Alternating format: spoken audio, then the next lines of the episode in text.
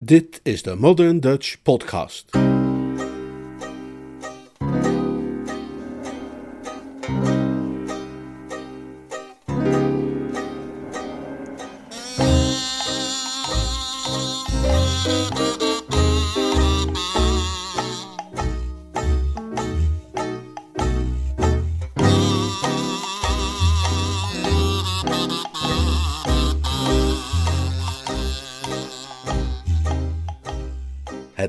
Van Ambrose. Een verhaal van P.G. Woodhouse uit de bundel Mr. Mulliner's sterkste verhalen, vertaald en voorgelezen door Leonard Beuger.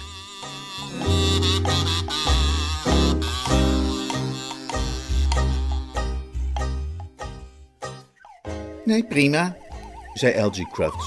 Dan ga ik wel alleen. Prima, zei Ambrose Whiffin. Dat moet je dan doen.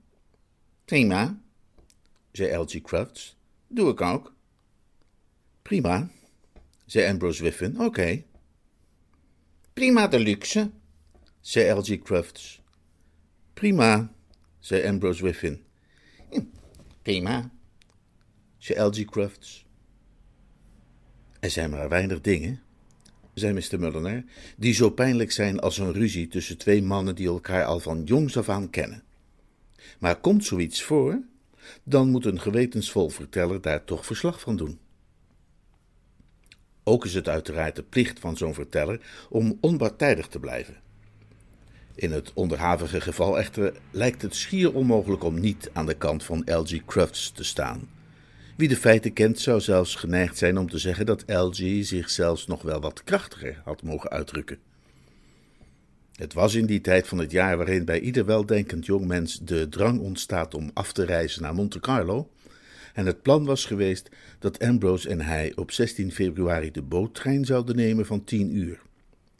Alles was geregeld, de kaartjes waren gekocht, de koffers waren gepakt, honderd systemen om te winnen bij roulette was uit en te na bestudeerd, maar toen kwam Ambrose op die middag van 14 februari doodleuk met het voorstel om nog 14 dagen in Londen te blijven. L.G. Crufts keek hem scherp onderzoekend aan. Ambrose Whiffin was altijd al erg precies op zijn kleding, maar vandaag had zijn uiterlijke verschijning een soort sinistere glans die maar één ding kon betekenen. De witte anjer in zijn knoopsgat schreeuwde het uit. De perfecte plooi in zijn broek bazuinde het rond en LG zag het dan ook in één oogopslag. Jij zit achter een of andere bliksemse meid aan, zei hij. Ambrose Whiffin werd rood en wreef zijn hoge zijden hoed tegen de vleug in. En ik weet wie het is. Het is dat meisje van Wickham. Ambrose bloosde opnieuw en wreef met zijn mouw opnieuw zijn hoed, maar deze keer de goede kant op, zodat de status quo werd hersteld. Nou, zei hij, je hebt mezelf aan haar voorgesteld. Ja, dat weet ik. En onmiddellijk daarna, dat herinner jij je ook, heb ik jou apart genomen en je gewaarschuwd heel goed op je tellen te passen met dat kind. Als jij soms iets op Miss Wickham hebt aan te merken, Ik heb helemaal niets op haar aan te merken. Ze is een van mijn beste maatjes. Ik ken Bobby Wickham sinds een schootkindje was en ik ben om zo te zeggen immuun voor haar. Maar jij kunt van mij aannemen dat elke andere kerel die iets met Bobby te maken krijgt, vroeger of later tot aan zijn ademsappel in de smerigste ellende komt te zitten. Ze laat uiteindelijk iedereen vallen met een toffe, dodelijke dreun. Neem nou bijvoorbeeld Roland Atwater. Die ging bij de Wickhams logeren en hij had een slang bij zich. En... Een slang? Waarom? Ja, dat weet ik niet. Hij had gewoon een slang bij zich, maar Bobby legde dat beest in iemand zijn bed en liet iedereen denken dat Edwater dat had gedaan. Nou, die kon mooi de volgende ochtend om drie uur de melktrein pakken. Die Edwater moet ook geen slangen gaan lopen meezeulen als hij in iemands landhuis op bezoek gaat, zei Ambrose nuffig. Iedereen kan toch begrijpen dat een meisje met een beetje temperament dan in verleiding komt om, eh, ja nou, of neem Dudley Finch?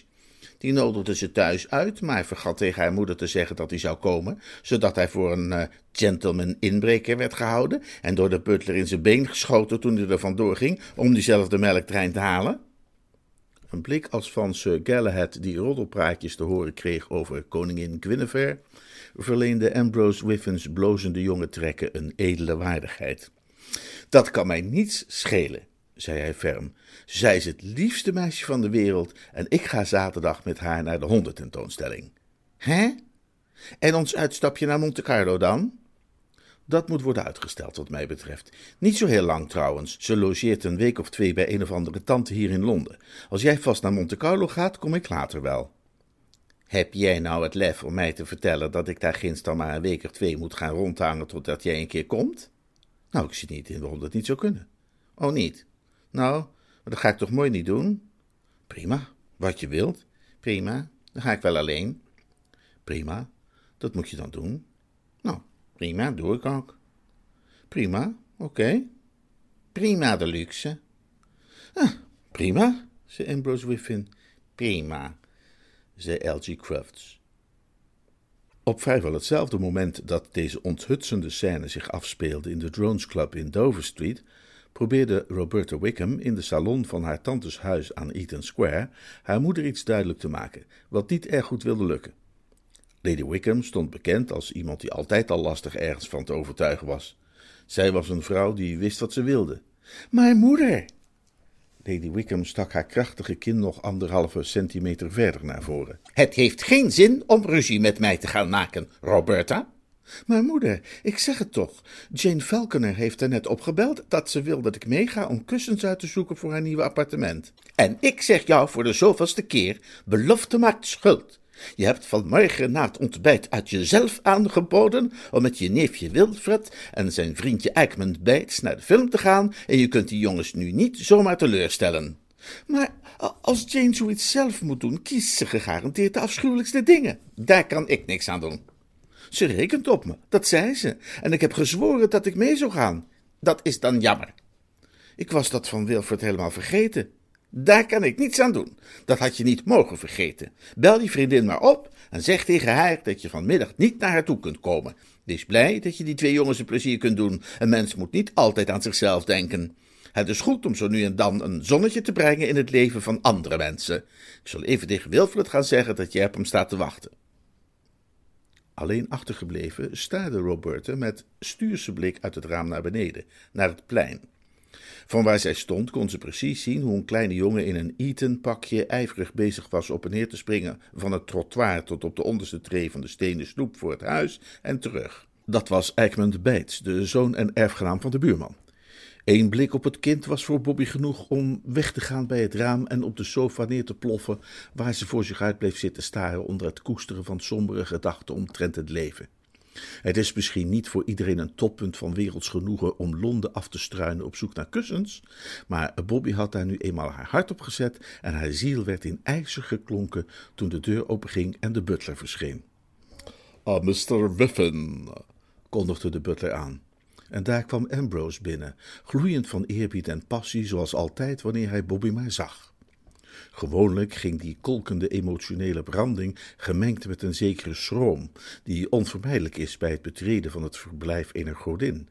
Maar deze keer leek het bewonderde wezen zo oprecht blij te zijn hem te zien, dat alle schroom verdween. Toen hij binnenkwam, was ze opgesprongen van de sofa en nu keek ze hem aan met glanzende ogen als een schipperkeling die een zeil ziet naderen. Oh, Ambrose, zei Bobby, wat ben ik blij dat je gekomen bent. Ambrose sidderde van zijn subtiel, doch effectief gedecoreerde sokken tot aan zijn strak gepomadeerde haar. Hoe verstandig, bedacht hij, was het geweest om inderdaad een vol uur te besteden aan de perfecte afwerking van zijn uiterlijk. Een blik in de spiegel in het trapportaal had hem ervan verzekerd dat zijn hoed klopte, zijn jasje klopte, zijn broek klopte, zijn schoenen klopte, de bloem in zijn knoopsgat klopte en dat zijn das klopte. Hij zag er honderd procent goed uit en meisjes stellen die dingen op prijs. Ja, ik. Uh, ik dacht, ik, ik ga even langs, zei hij in de wonderlijke keelklanken die zijn stembanden altijd produceerden wanneer hij het woord probeerde te richten tot de koningin van haar sekse. Oh, om te kijken of jij uh, vanmiddag iets speciaals aan het doen was, hè? voegde hij eraan toe als je begrijpt wat ik bedoel. Ik ga met mijn neefje Wilfred en een vriendje van hem naar de bioscoop. Heb je zin om mee te gaan? Nou, nou en of, geweldig. Echt? Tuurlijk. Oh, geweldig. Hij staarde haar met eerbiedige bewondering aan. Wat vreselijk lief van jou trouwens, om zomaar een hele middag op te offeren om met een paar kinderen naar de film te gaan. Ontzettend lief. Lief hoor. Ik bedoel, dat vind ik nou echt erg lief van je.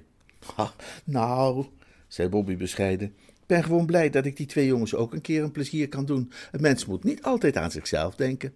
Het is goed om zo nu en dan eens een zonnetje te brengen in het leven van andere mensen. Je bent een engel. Nee hoor, niks hoor. Jawel, een, een absolute engel, hield Ambrose vol, koortsachtig huiverend. Dat je, dat je zoiets doet is, nou ja, uh, absoluut engelachtig als je me volgen kunt. Ik, wou dat L.G. Crafts dit kon zien. Hoezo L.G. Crafts? Omdat hij toevallig daarnet een paar heel onaardige dingen over jou heeft gezegd. Bijzonder onaardige dingen. Oh, wat zei hij dan? Hij zei. Ambrose kromp wat ineen, want die boosaardige woorden deden hem pijn. Hij zei dat jij mensen uiteindelijk altijd laat vallen. Oh ja? Zei hij dat? Jan Dory, ik zal eens een hartig woordje moeten praten met onze Algernon P. Crofts, als dat waar is. Hij krijgt een veel te grote mond, die jongen. Hij schijnt te vergeten, zei Bobby, en er kwam een dromerige blik in haar wonderschone ogen, dat wij van de zomer weer buren zijn als we naar buiten gaan en dat ik weet waar hij slaapt. Wat die Algie nodig heeft, is een kikker in zijn bed. Twee kikkers, verbeterde Ambrose haar. Twee kikkers, stemde Bobby met hem in. De deur ging open en op de mat verscheen een kleine jongen. Hij droeg een Eton kostuum, een bril en diep over zijn flapperende oren een bolhoed. Ambrose dacht dat hij zelden iets afzichtelijkers had gezien. Maar hij zou zelfs leden van een koninklijk huis in galakledij scheef hebben aangekeken als ze een tête-à-tête met Miss Wickham kwamen verstoren. Ik ben klaar, zei de jongen. Dit is Wilfred, de zoon van mijn tante Marcia, zei Bobby. Oh, zei Ambrose koeltjes. Als zoveel jonge mannen placht Ambrose Whiffin kleine jongens met een scheef oog aan te kijken. Zijn stelling was dat ze in principe een draai om hun oren moesten krijgen. En als ze geen draai om hun oren konden krijgen, moesten ze eenvoudig buiten beeld blijven. Ook dit exemplaar bekeek hij vol verachting. Het halve besluit om hem lief te hebben omwille van Bobby bleef een onvoldragen vrucht. Alleen de gedachte dat Bobby deel zou uitmaken van het gezelschap maakte hem sterk genoeg om te kunnen leven met het vooruitzicht dat hij in het openbaar zou moeten verschijnen met dit onooglijk stuk vreten. Ga mee, vroeg de jongen. Goed hoor, zei Bobby, ik ben er klaar voor.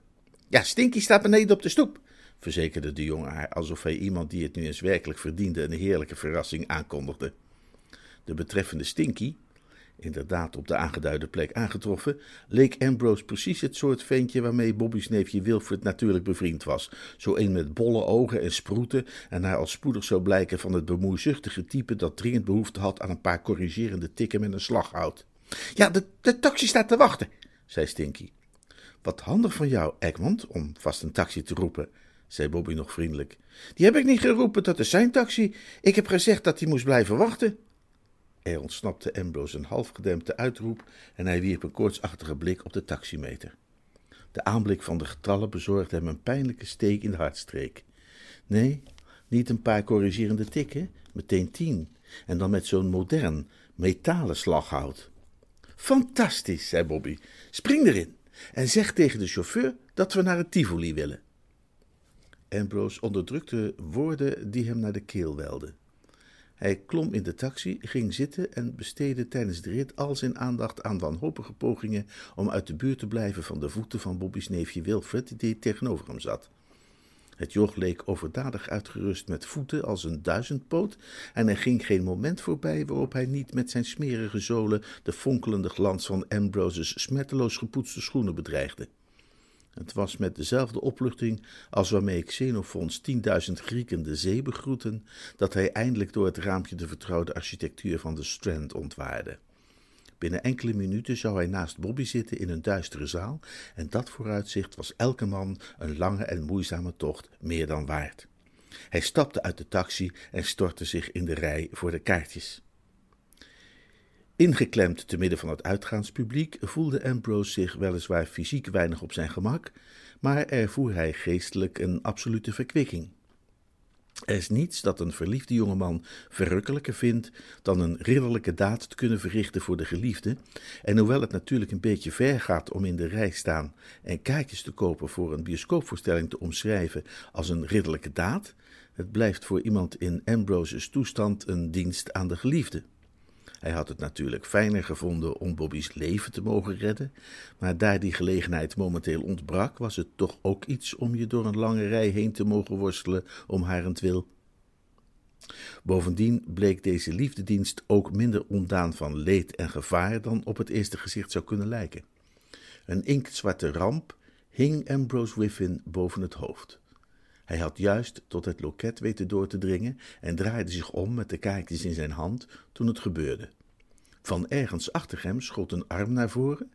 Er was één moment van misselijkmakende spanning en daar rolde zijn hoge hoed, die hij bijna zozeer lief had als het leven zelf, dwars door de lobby, achtervolgd door een stevig gebouwde man in het uniform van schout bij nacht bij de Moldavische marine. Op het moment dat deze pijnlijke gebeurtenis hem trof, leek het Ambrose of hij het gruwelijkste moment uit zijn hele loopbaan had door te maken. Meteen daarna moest hij echter ontdekken dat het in werkelijkheid het gruwelijkste moment was op één na. Ter zorgen kroon werd hem een ogenblik later opgezet, toen de schout bij nacht terugkeerde met in zijn hand een gehavend voorwerp dat hij in eerste instantie niet vermocht te herkennen. De schout bij nacht was allervriendelijkst. De rondborstige hartelijkheid van de zeeman klonk door in zijn stem. Alsjeblieft, meneer, zei hij, hier is uw hoed. Niet meer helemaal lekker, die hoed, helaas, meneer. Iemand hebt erop gestaan. En dat kan je niet zomaar doen, hè, met de hoed. Hoewel hij sprak op de losse toon van iemand die een vriendelijk praatje maakt, had zijn stem op de een of andere manier toch een wat dwingende bijklank. Het was alsof de schout bij nacht ergens op wachtte, en Ambrose tastte als onder hypnose in zijn zak en drukte de man een knaak in de hand. Vervolgens zette hij de treurige overblijfsel op zijn hoofd en wankelde door de lobby terug naar het meisje dat hij zo teer beminde. Dat zij ooit ook hem zou kunnen beminnen, nadat zij hem met een hoed als deze op zijn hoofd had gezien, leek hem aanvankelijk volstrekt onwaarschijnlijk. Maar de hoop keerde toch schuchter terug. Het was tenslotte toch in haar dienst dat hij deze slag had moeten verduren. Dat zou zij zeker in aanmerking nemen. Bovendien houden meisjes met een subtiel onderscheidingsvermogen als Roberta Wickham niet uitsluitend van een man vanwege zijn hoed. Ook de pantalon doet ertoe en de slopkousen doen dat. Het was in bijna optimistische stemming dat hij door de menigte heen wist te dringen tot waar hij haar had achtergelaten. Toen hij er bijna was, trof het piepend stemgeluid van Stinky zijn oor. Gompie, zei Stinky, wat heb jij met je hoed uitgevreten? Een andere piepstem liet zich horen. Tante Marcius' zoon Wilfred keek hem aan met de vernederende belangstelling van een bioloog die een of ander primitief organisme bestudeert onder zijn microscoop. Hallo, zei Wilfred, ik weet niet of je het weet, maar daar heeft iemand op je hoed gezeten of zo. Heb je ooit zo'n hoed gezien, Stinky? Nee, van mijn leven nog niet, antwoordde zijn vriend. Ambrose knarste tanden. Mijn hoed gaat je niks aan. Waar is Miss Wickham? Oh, die moest weg, zei Stinky. Het duurde een paar seconden voor de gruwelijke betekenis van die woorden werkelijk doordrong tot Ambrose's bewustzijn. Toen viel zijn mond open en staarde hij de jongen aan met grote verschrikte ogen. Weg? Weg? waarheen? Ja, dat weet ik niet, ze ging gewoon.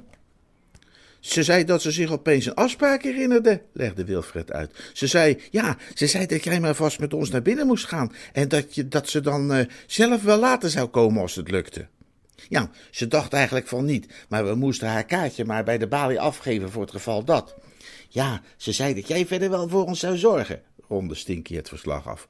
Kom mee, we moeten naar binnen, anders missen we de leerzame voorfilmpjes. Ambrose begon bleek weg te trekken.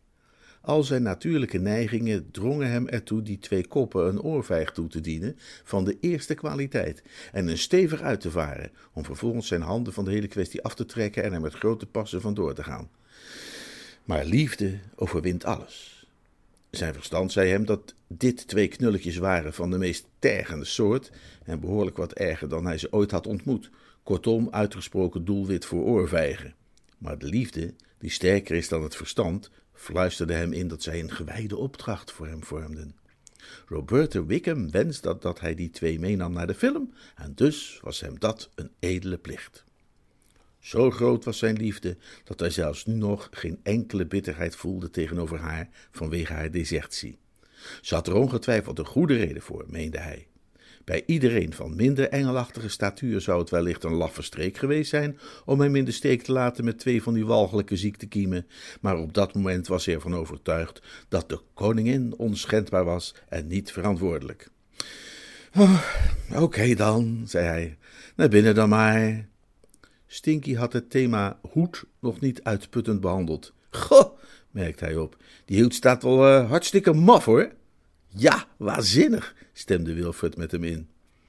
Ambrose keek de twee een ogenblik doordringend aan en zijn gehandschoende hand jeukte niet weinig, maar de ijzeren zelfbeheersing van de Wiffins liet hem niet in de steek. Naar binnen, zei hij met gespannen stem. Hup! Als puntje bij paaltje komt, kunnen er nog zoveel hoogbetaalde sterren in een film meespelen en nog zoveel miljoenen besteed zijn aan schitterende decors en speciale effecten, uiteindelijk hangt het succes van ook de kostbaarste multi-multifilm af van in welk gezelschap de toeschouwer het eindproduct bekijkt. Zit het fout in de foyer of de lobby, dan is het ook niet leuk in de zaal. De film waar de directie van het Tivoli Theater die middag het publiek op vergastte, was door Hollywood met alles wat kunst en geld konden bijdragen tot iets bijzonders gemaakt. Gebaseerd op Wordsworth met zijn achten, maar met de nieuwe titel Smeulende Passie, toonde hij zulke fascinerende sterren van het witte doek als Laurette Bing, G. Cecil Terwilliger, Baby Bella, Oscar de Wonderpoedel en professor Zeeslags hoogbegaafde zeeleeuwen. Maar Ambrose deed het allemaal niets. Had Bobby maar naast hem gezeten, hoe anders was alles dan geweest?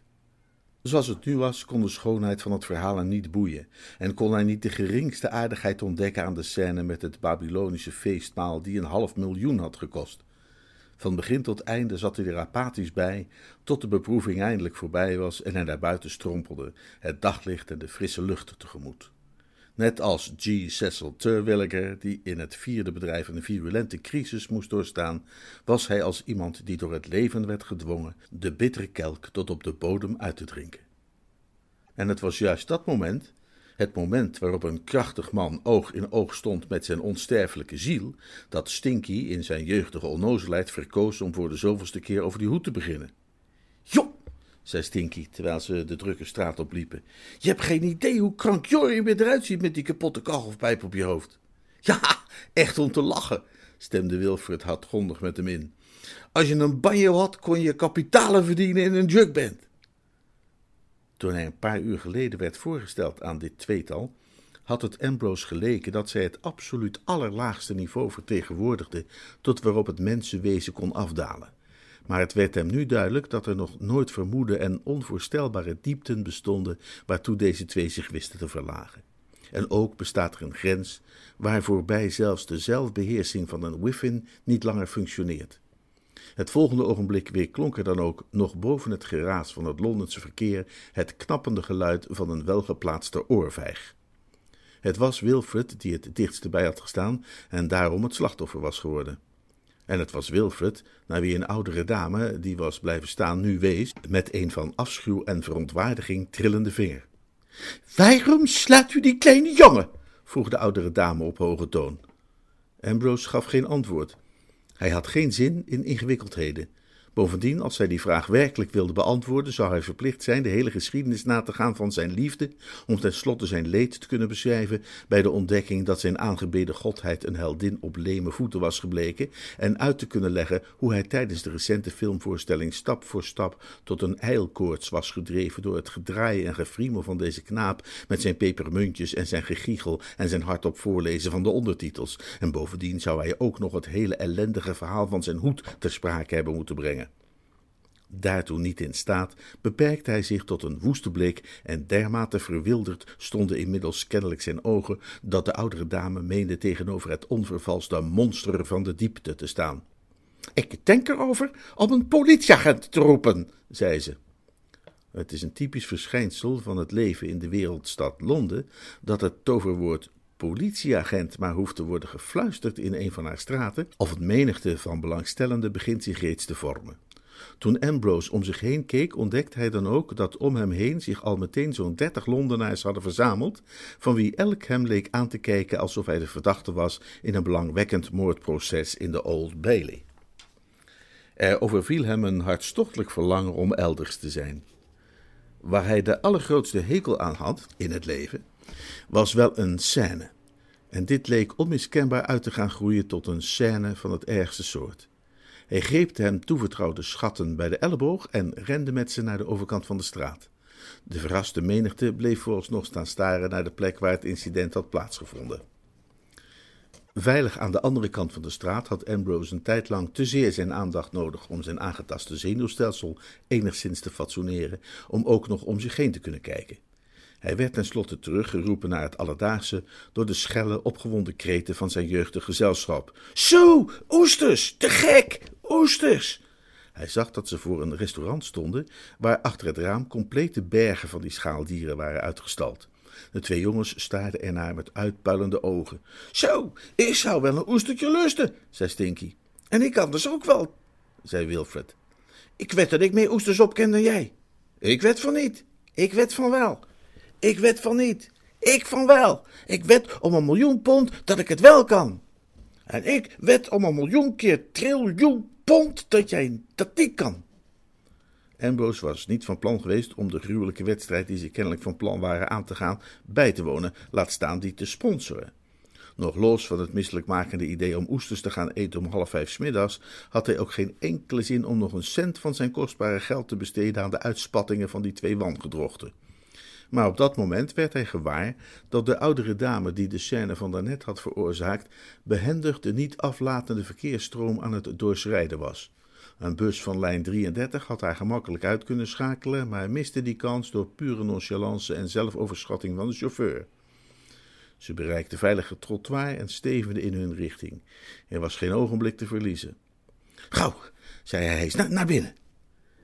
Even later zaten ze aan een tafeltje en een ober die eruit zag alsof hij tot het uitvoerend kader behoorde van de bende van de Zwarte Hand, drentelde om hen heen met een potlood en een bloknootje. Ambrose deed een laatste beroep op de betere instincten van zijn gasten.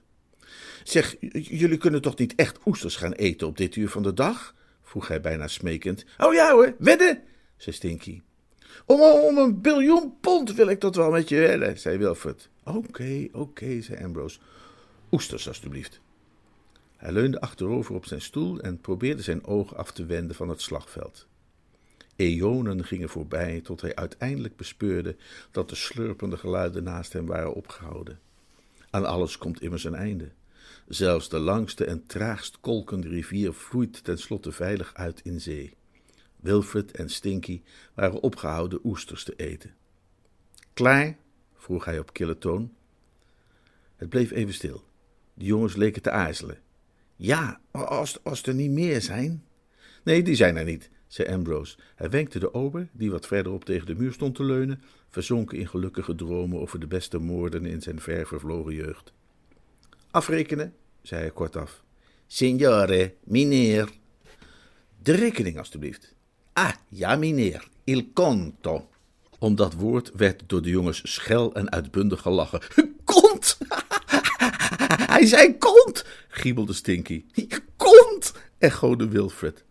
Ze begonnen elkaar opgewekt te stompen om hun waardering voor dit overweldigend stukje komedie tot uitdrukking te brengen. De ober liep rood aan, mompelde iets in zijn moedertaal en leek naar zijn stiletto te willen grijpen. Ambrose kreeg een kleur. Obers uitlachen was iets dat absoluut niet kon en hij voelde zich beschaamd en bevreesd. Het was een hele opluchting het lid van de Zwarte Hand terug te zien komen met het wisselgeld. Er lag één enkele sixpence op het bordje en Ambrose tastte haastig in zijn zak naar nog wat munten om dat schamele bedrag aan te vullen. Een stevige fooi, dacht hij, zou de ober wel duidelijk maken dat, hoewel hij door omstandigheden met die twee giechelende misbaksels was opgescheept, hij in feite geen enkele innerlijke band met hen voelde. Dat gebaar zou hem in één keer in een heel ander licht kunnen stellen. De man zou begrijpen dat, ondanks het twijfelachtige gezelschap waarin hij verkeerde, Ambrose Whiffin zelf helemaal deugde en een hart van goud bezat. Simpatico noemden de Italianen dat volgens hem. Maar opeens zat hij rechtop en het was alsof er een elektrische schok door hem heen ging. Zijn vingers vlogen door al zijn zakken, maar troffen nergens iets anders dan leegte.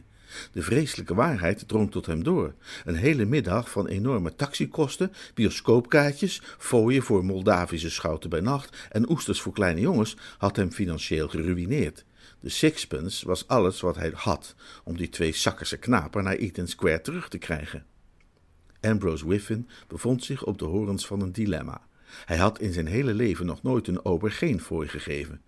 Dat had hem eenvoudig altijd onmogelijk geleken. Een fooi voor de ober had hij als een vanzelfsprekendheid beschouwd, een onvermijdbaar oerfenomeen, zoals het ademhalen of het openlaten van het onderste knoopje van je vest. De schimmen van Wiffins uit vervlogen tijden, Wiffins die in de middeleeuwen goud gestrooid hadden onder de menigte, Wiffins die herbergiers een welgevulde beurs hadden toegeworpen in de pruikentijd, leken zich rond hem op te stellen om hun laatste afstammeling op het hart te drukken, toch niet de naam van hun geslacht te beschamen. Aan de andere kant zou die sixpence precies genoeg zijn voor een buskaartje en twee halfjes, wat hem de noodzaak zou besparen drie kilometer door de straten van Londen te moeten lopen met een gedeukte hoge hoed op zijn hoofd en vergezeld door Wilfred en Stinky. Als het nu alleen Wilfred was geweest. Of desnoods alleen Stinky. Of als die hoed niet zo sprekend had geleken op iets uit een goedkope variétévoorstelling. Ambrose Whiffin aarzelde niet langer. Zwaar ademend door de neus sprong hij op griste met een razendsnel gebaar de sixpence van het bordje en stak hem in zijn zak. Kom mee, snauwde hij. De reactie van zijn twee jonge vrienden had hij kunnen voorspellen. Hij had er iets om durven verwedden. Geen tact, geen enkele terughouding, niet de minste poging om netjes om te gaan met de situatie. Niets dan twee jonge, slimme natuurkinderen die altijd meteen zeiden wat hen voor de mond kwam en die, hoopte hij, morgenochtend wakker zouden worden met een gemene voedselvergiftiging. Hij zeg! Het was Wilfred die het eerst van hen tweeën zijn mond opendeed, met een stem die door het restaurant weer klonk als een trompetsignaal. Je hebt hem geen fooi gegeven! Hé hey joh! Galmde ook Stinky door de ruimte, helder als een luidklok. Geef jij die man geen fooi? Je hebt de ober geen fooi gegeven, zei Wilfred, om geen misverstand te laten bestaan. Die ober, legde Stinky uit, die heb je geen fooi gegeven. Kom mee, kreunde Ambrose, naar buiten, naar buiten. Honderd dode wiffins slaakten een spookachtige kreet en bedekten hun gezicht met een punt van hun witte lakens. Een verbijsterde ober drukte zijn servet tegen de borst. En Ambrose schoot met gebogen hoofd de deur uit als een haas met gewetensvroeging. Op dat opperste moment was hij zelfs even vergeten dat hij een hoed droeg als een concertina, wat maar weer eens bewijst hoe waar het is dat heftiger emoties de mindere doen vergeten. Een als uit de hemel gezonde autobus stopte vlak voor hem in een file.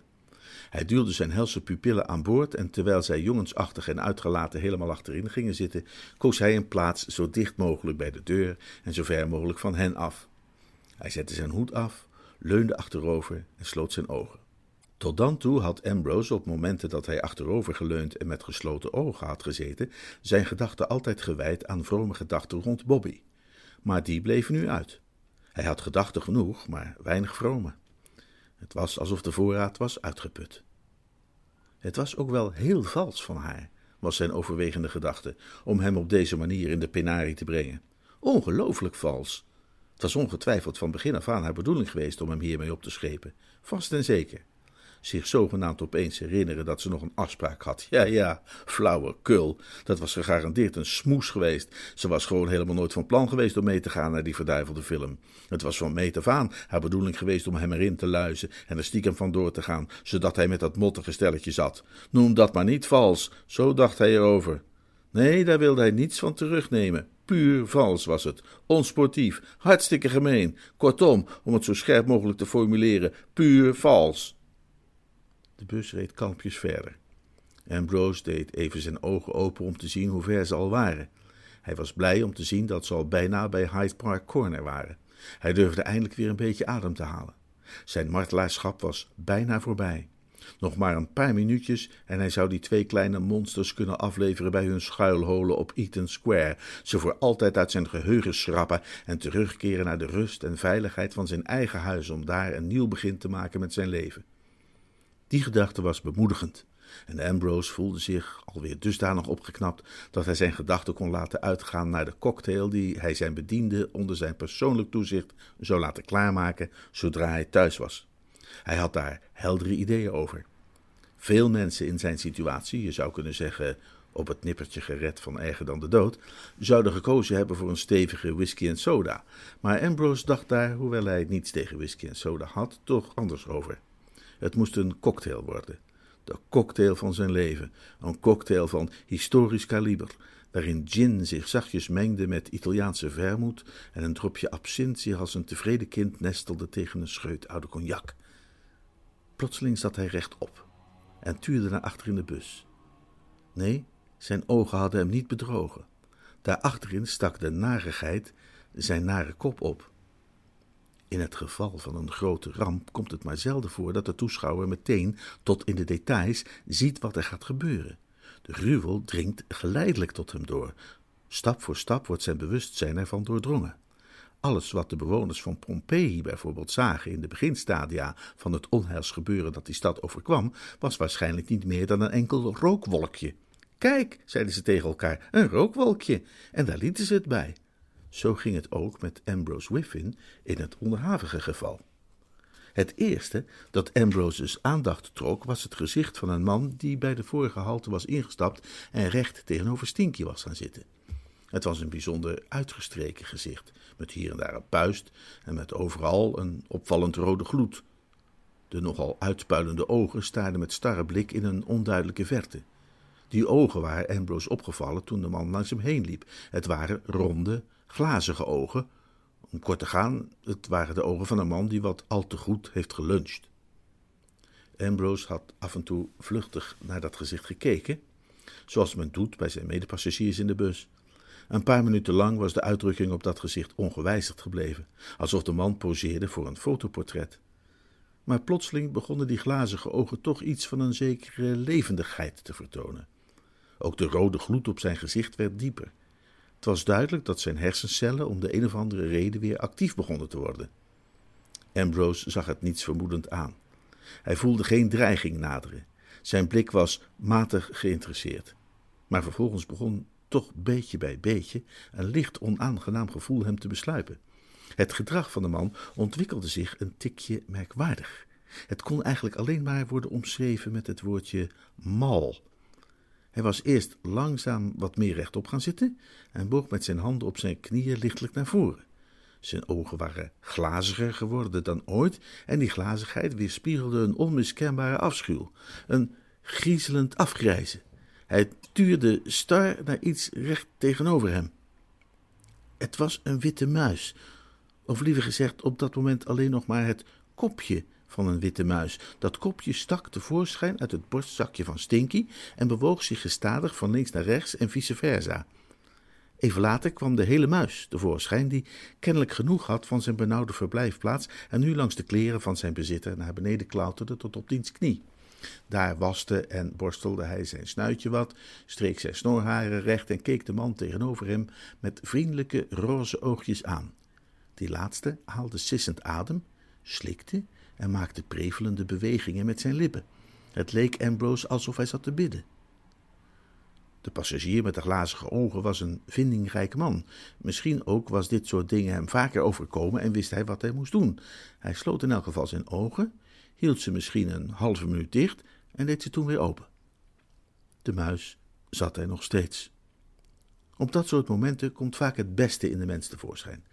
Men kan er wellicht enige schade aan toebrengen, bijvoorbeeld door een reeks onverstandige lunches, maar nooit zal men geheel en al de mentaliteit kunnen vernietigen die de Engelsman gemaakt heeft tot wat hij is. Als het uur daartoe is aangebroken, komt de ware bulldog-aard toch altijd weer boven. Shakespeare was dat ook al opgevallen. Als hij met zijn rug tegen de muur komt te staan, zal een Engelsman zijn leven, ook al heeft hij nog zo copieus geluncht, toch duur verkopen.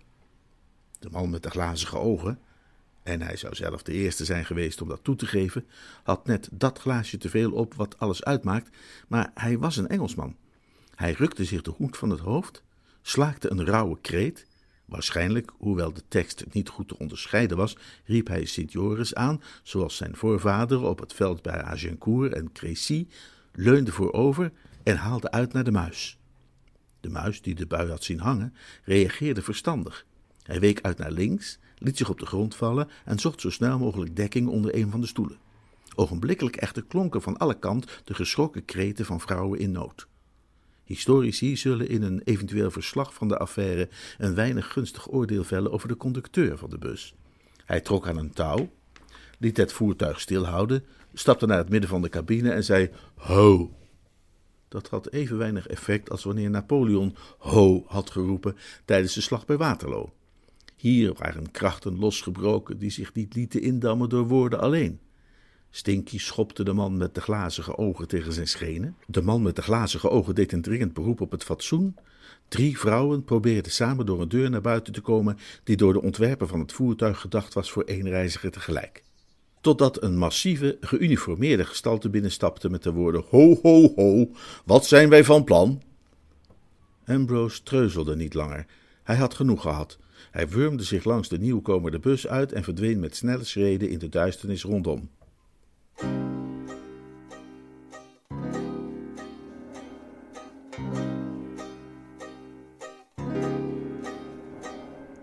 De ochtend van de 15e februari hulde Londen in een grijze mantel van mist. Ambrose Wiffin trof hij in bed aan het ontbijt. Op het dienblad voor hem lag een brief. Het handschrift was het handschrift dat hij eens had bemind, maar dat hem nu onberoerd liet. Zijn hart was koud. Hij beschouwde het andere geslacht als volslagen hopeloos en brieven van Bobby Wickham konden hem niet boeien. Hij had de brief al even doorgekeken, maar pakte hem nu opnieuw op. Een bittere glimlach om de lippen en liet zijn ogen langs de regels dwalen. Af en toe bleef zijn blik hangen bij een van de meer typerende zinnen. Bijzonder in jou teleurgesteld. Kan maar niet begrijpen waarom jij je opeens zo ontzettend vreemd gedragen hebt. Had gedacht dat ik ze jou wel kon toevertrouwen. En dan laat jij die arme kleine jongen zomaar alleen in het midden van zo'n grote stad. Ja, ja, haha. Wilfred werd thuisgebracht door een politieagent en moeder is woedend. Ik geloof niet dat ik haar ooit zo voor oorlogs heb gezien. Ambrose Wiffin smeet de brief neer en pakte de telefoon op. Hallo? Hallo? LG? Ja, met wie? Ambrose Wiffin. Oh, ahoy. Ahoy. Ahoy. Ahoy.